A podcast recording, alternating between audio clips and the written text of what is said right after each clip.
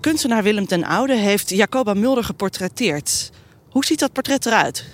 Het is een portret uh, geschilderd in 1970, 1971. Dus toen was ze ook 70, 71 jaar oud. En toen nog volop aan het werk als adviseur van de afdeling stadsontwikkeling van de gemeente Amsterdam.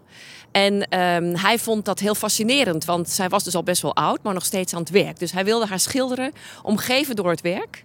En uh, wat hij merkte in de gesprekken met haar is dat het werk veel belangrijker was dan zijzelf. Dus hij vond haar bijna verdwijnen in het werk. En zo heeft hij haar ook geschilderd. Dus het, het schilderij is heel uh, rustig qua toon. Je ziet haar gezicht bijna niet. Maar ze is aan het werk met een potlood in de hand. Uh, pak je camel op de tafel. En allerlei tekeningen daaromheen van het Amsterdamse bos, het Beatrixpark, speeltuinen. De projecten waar ze aan heeft gewerkt in het verleden.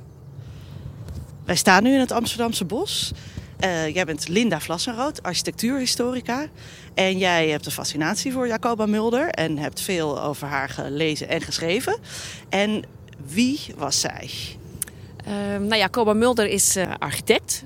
Ze was een van de eerste vrouwelijke architecten die afstudeerde aan de Technische Hogeschool in Delft. Ze is geboren in 1900, uh, overleden in 1988. Uh, dus in 1926 studeerde ze af. En dat was, dat was dus heel bijzonder, omdat het echt een, een discipline was die werd geregeerd door mannen. En in 1930 is ze begonnen als stedenbouwkundige in, in Amsterdam bij de afdeling Stadsontwikkeling. Die bestond toen net, 1928.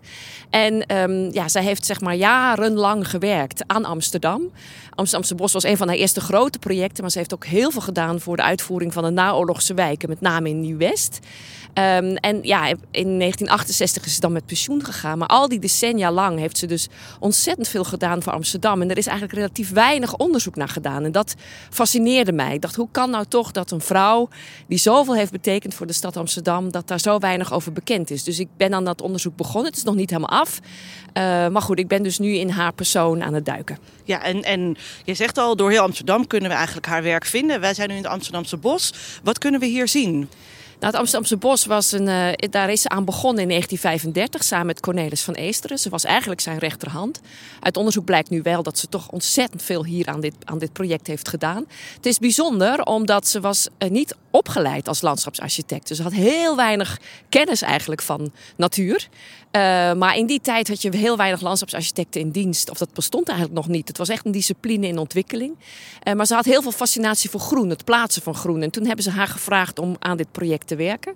Uh, het is het grootste stadspark eigenlijk nog steeds ter wereld. Dus het was een gigantische oh. opgave.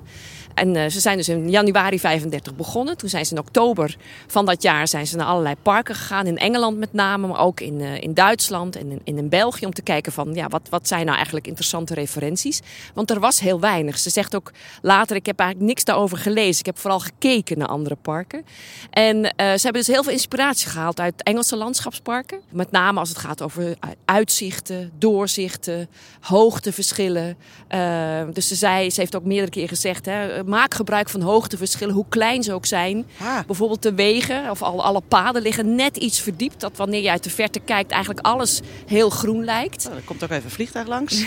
dat hoort er ook bij. Ja, alle en, paden uh, zijn ietsjes, liggen ietsjes lager? Ja, een paar centimeter maar. Dus, uh, en sowieso zo min mogelijk hekken. Dat was in die tijd vrij bijzonder. Dus zo min mogelijk hekken. Want ze wilden eigenlijk bezoekers uitnodigen om te gaan struinen. Dus eigenlijk de paden af. En op die manier zeg maar, het park te ontdekken.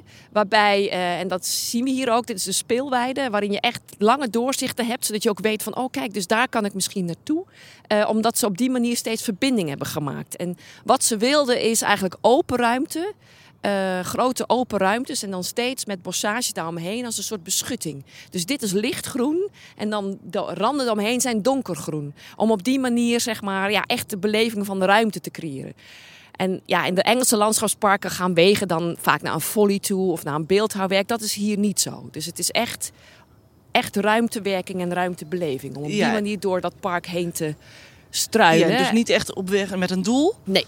Maar echt gewoon het doel is het wandelen door het park. Ja, en dan echt zeg maar concentratie. Hè, dus dat vonden ze belangrijk, dat activiteiten niet de hele tijd door het park zouden gaan. Maar dat dat zeg maar in bepaalde delen van het park zou worden geconcentreerd. En dan had je op de andere plekken meer de rust. En waarom moeten we haar uit de vergetelheid halen?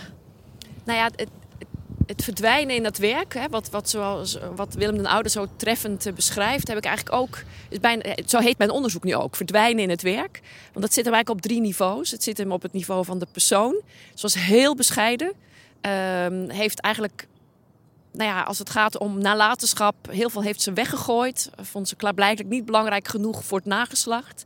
Uh, dus je ziet dat als persoon heeft ze zichzelf echt weggecijferd. Um, het zit hem ook in de plek waar ze werkte. Ze werkte voor de gemeente Amsterdam, het dienst der publieke werken. En daaronder hing dan de afdeling stadsontwikkeling. Daar was auteurschap eigenlijk niet belangrijk. Uh, en dat snap ik ook in die zin dat je dat niet altijd maar met één persoon maakt. Je maakt dat met een collectief van mensen. En het zit hem in de geschiedschrijving. Dus wij als journalisten, uh, historici, uh, critici um, hebben ook toch heel weinig over vrouwen in de architectuurgeschiedenis geschreven. Dat zie je nu de laatste tijd ook steeds meer naar, naar voren komen. Dat er veel meer aandacht komt ook van ja, maar wie waren die vrouwen dan in de architectuurgeschiedenis? En mijn onderzoek naar Jacoba is niet zozeer om haar weer op een voetstuk te hijsen alsnog. Maar wel om te kijken van wat voor een rol had zij nou? En het is ook wel gebleken uit ander onderzoek. Is in 2017 een, een mooi boek verschenen, De Nieuwe Grachtengordel. Wat echt gaat over de uitvoering van die naoorlogse wijken. Waarin toch echt naar voren komt dat haar rol veel groter is geweest dan we tot op heden hebben aangenomen. Dus ik vind het interessant om te kijken van wat was haar rol precies? Wat is haar bijdrage geweest? Maar ook hoe complex is die productie geweest? Want we hangen vaak alles maar altijd op aan één persoon. Ja, ik wil net dus... zeggen, is het, is het ego van Cornelis van Eesteren was te groot? Kon alleen maar één ster schijnen? Of? Um, nou ja, het zit hem ook in, in hoe we met dit soort vraagstukken omgaan. Dus uh, ja, hij, hij vond auteurschap heel belangrijk. Um, vond ook dat veel van hem bij hem vandaan kwam. Maar hij deed het absoluut niet alleen. En wij hebben de neiging om te zeggen: Oh, Nieuw-West of het Algemeen Uitbreidingsplan van Van Eesteren. Het was echt een grote groep die niet alleen dat ontwerp heeft gemaakt. Nou, dat was wel een vrij kleine groep, maar degene, de groep die het dan heeft uitgevoerd, uh, ja, was vele malen groter. En daar heeft zij echt een hele bepaalde rol in gespeeld. En ik vind dat interessant om te kijken van hoe, hoe zit dat over ja, een vrouw- en een mannenwereld, maar ook wat, wat, wat heeft zij nou eigenlijk bijgedragen? En dat zit hem toch vaak in de kleine schaal. Zij vond het menselijk, de menselijke schaal heel belangrijk en ze was eigenlijk op al die verschillende schaalniveaus, hè, van verkavelingen, dus hoe positioneer je een gebouw in het groen, maar ook tot moeten er nou hekjes komen of niet, of hoe ligt dat pad dan? Uh, en heb je nog een genoeg? voorbeeld in Amsterdam waar we haar werk kunnen zien? Uh, nou, ze heeft een enorme fascinatie, uh, had ze voor, voor, sowieso voor speelplekken, maar met name ook voor speelvijvers. Uh, daar heeft ze er heel veel van gefotografeerd, onder andere in Stockholm. Nou, er ligt er natuurlijk hier eentje in Amsterdamse Bos. maar ook aan de Gibraltarstraat, in het Beatrixpark. Dat park is ook van haar, maar ook die speelvijver daarin. En wat maakt haar speelvijver bijzonder? Nou, het is niet zozeer misschien dat die. Ik, ik vind de speelvijver bijvoorbeeld in de Gibra aan de Gibraltarstraat heel mooi. Hoe het is gelegen um, in het groen en in de wijk. Um, uh, dus het is met heel veel aandacht voor uh, detail, maar ook van hoe, hoe spelen kinderen, hoe kunnen, hoe kunnen moeders toezicht houden op hun kinderen, hoe, hoe kunnen we hekken vermijden, hoe maken we het zo openbaar toegankelijk mogelijk, hoe is de relatie van het gebouw tot, uh, tot, de, speel, tot de speelplek, dat is heel belangrijk. En ik denk dat een, het meest kenmerkende voorbeeld is eigenlijk Frankendaal. Dat zit in de, ligt in de Watergraafsmeer. daar heeft ze de hovenverkaveling ontwikkeld. Um, en nou ja, in die tijd, we kennen Berlage onder andere is vooral bekend vanwege de gesloten bouwblokken. Uh, dus dan uh, kun je eigenlijk niet uh, in, in, aan de achterzijde van het pand komen. en in die tijd, dus in de jaren 30, vond men het open bouwblok heel belangrijk. Dus dan heb je eigenlijk een strook, strookgebouw, wat waar de voor- en achterkant zeg maar, in het groen staat of in de openbare ruimte. En um, dat kan heel snel uh, heel monotoon worden. Um, en zij heeft dus bijvoorbeeld in Frankendaal ervoor gezorgd dat het meer dat het twee L-vormige gebouwen werden. Waardoor er ook een soort binnentuin ontstond. Daar kon je doorheen fietsen, doorheen lopen. Dus het was open, maar toch besloten. Um, Frankendaal is een wijkje. En uh, dus er zijn. Oh, ik dacht Park Frankendaal. Sorry. Nee, nee sorry. Nee, het ligt ernaast. Ja. Uh, Jeruzalem heeft het ook ja. wel als bijnaam uh, gekregen. Dus het is een wijkje dat ernaast ligt, waarbij dus de, de L-vormige blokken mooie binnenruimtes maken, waardoor de moeders zeg maar vanuit hun huiskamer toezicht konden houden, of vanuit de keuken toezicht konden houden op het, uh, op het binnenplaatsje, of nou eigenlijk de binnentuin, uh, waardoor er een hele mooie relatie was. En ze eigenlijk, is, en zo heeft ze het ook beschreven, dat ze eigenlijk deze mensen een huiskamer in het groen kon geven. Ja.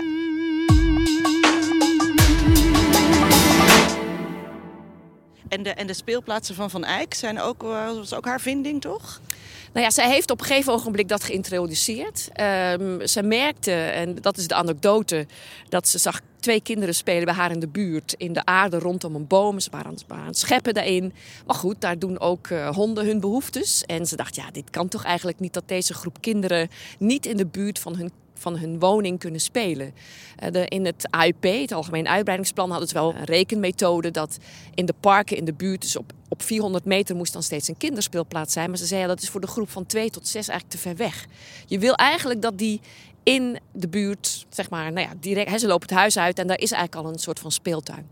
Um, dus dat werd het speelplaatsenbeleid. En toen hebben ze uh, het Bettelmanplein was dan het eerste de eerste plek waar ze zo'n speeltuin hebben uitgeprobeerd. En Aldo van Eyck was net komen werken uh, bij de afdeling stadsontwikkeling. En ze had hem op een uh, verkavelingsplan gezet, maar er kwam eigenlijk niks uit.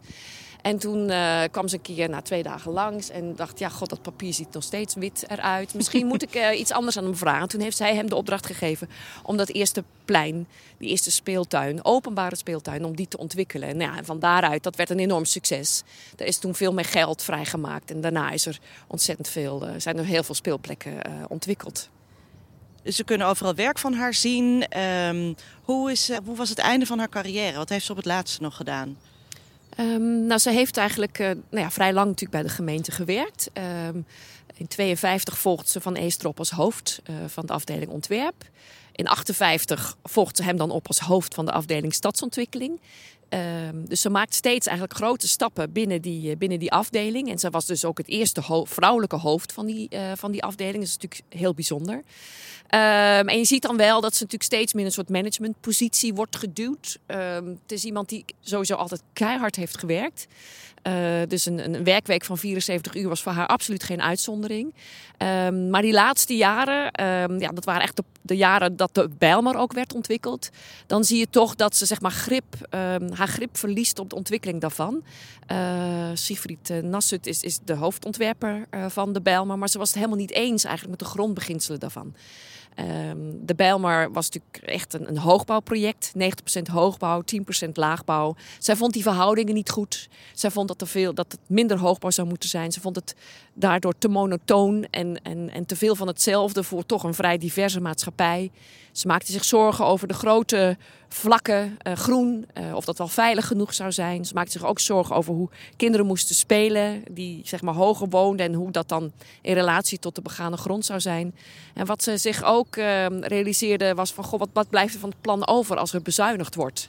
Wat ze natuurlijk al die jaren had meegemaakt als, als, dat nou ja, in de uitvoering van de, van de westelijke tuin. tuinsteden. Dat, dat moest altijd sneller en het moest altijd met minder geld. En um, ja, veel van wat, waar ze voor vreesde is, is uitgekomen. Helaas is eigenlijk alles uitgekomen als ik het zo hoor. Ja, klopt. En dat, dat het wonderlijke is, of wat fascineert me ook wel, is dat ze al die tijd ook als hoofd, zeg maar, nooit dat heeft. Uh, ze is altijd voor dat plan gaan staan. Uh, dus uh, er was vrij veel gedoe intern. Uh, maar naar buiten toe was het altijd. Zich nooit uitgesproken. Nooit uitgesproken. Ze was ontzettend loyaal naar, naar de afdeling toe. Maar ook van hè, we doen dit als team. En ja, ze ging ook bijna met pensioen. En ze heeft het in die zin voor een deel ook zo gelaten.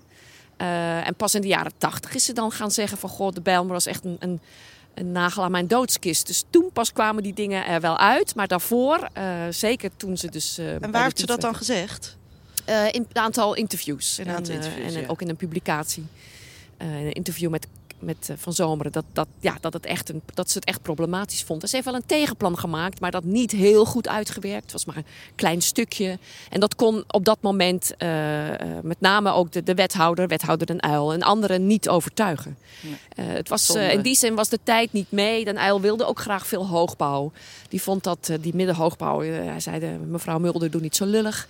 En dan, nou ja, goed, hij, ehm, hij duwde dat een bepaalde kant op. En ja, de jongere generatie wilde ook echt iets anders. Die wilde ook iets aan het verkeersvraagstuk doen. En uh, ja, zij vonden haar in die zin weinig visie hebben op dat vlak. En ja, ook wel iemand die vrij afstandelijk was. Een andere generatie. Ja, die ze niet op die manier konden overtuigen. Nee.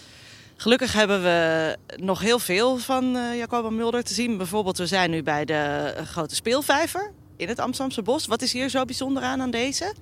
Nou, dit is de grootste speelvijver sowieso. Er zijn natuurlijk wel wel een aantal speelvijvers in Amsterdam. Een aantal van haar. Hè. Bellamyplein, Gibraltarstraat. Uh, dit is de, de grootste. Ze hadden graag veel meer willen realiseren. Maar uh, dat is lastig, want uh, de, de, de grond in Amsterdam is sompig. En daardoor waren het hele kostbare elementen om, om te maken. Hier kon het vrij goed, omdat de onderlaag was vrij stevig. Dus dit is ook een vrij grote speelvijver. En nou ja, goed, wat we al, al, hebben, al hebben besproken is het spelen vond zij ontzettend belangrijk. En met name ook dat het heel gericht was op verschillende leeftijdscategorieën. Dus van 0 tot 2, van 2 tot 6. En dat voor iedereen wat aanwezig zou zijn. En dit is natuurlijk echt met name, ja, zij noemden dat de kers op de taart voor de kinderen van 2 tot 6. Dus het spelen en dan met name met water. Dus het mooie is, hij is vrij sober, maar wel met die kenmerkende stapstenen.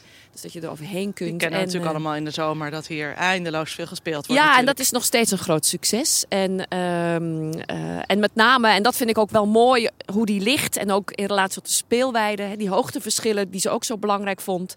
Er is hier ook een, een, heuvel in het park. Um, dus ze vond het heel belangrijk van hè, hoe, klein ze ook zijn, daar moet je echt iets mee doen. En voor hier van elke meter gaat het dan één centimeter omlaag, zodat dat heel geleidelijk gebeurt. En dat is echt met, nou ja, dat heet dus maatwerk. Dus dat je met zoveel detail um, zeg maar dit soort onderdelen vormgeeft, is denk ik heel bijzonder. Prachtig. Wanneer en waar gaan we je onderzoek lezen? Oh, nou, dat duurt nog een tijdje. Uh, want het is, ja goed, het, ja, het is decennia werk. Ze zat in tal van commissies. Uh, nou ja, wat we al zeiden, ze maakt ontzettend veel uren. Ze was dus op, eigenlijk op heel veel schaalniveaus betrokken. Ze zat in de recreatiecommissie. Voor aan beeldhouwers te verstrekken opdrachten. Dus ook heel veel kunst in de publieke ruimte. nou ja, goed, dus ze was op heel veel terreinen was ze werkzaam. Dus het, het gaat nog een tijdje duren voordat ik dat allemaal heb uitgeplozen maak je ook 74 uur uh, per week om dit nu uh, te realiseren? nou, in coronatijd en met kinderen ligt dat wat moeilijk, maar ik doe mijn best. Heel hartelijk dank, Linda Vlasseruit. Graag gedaan.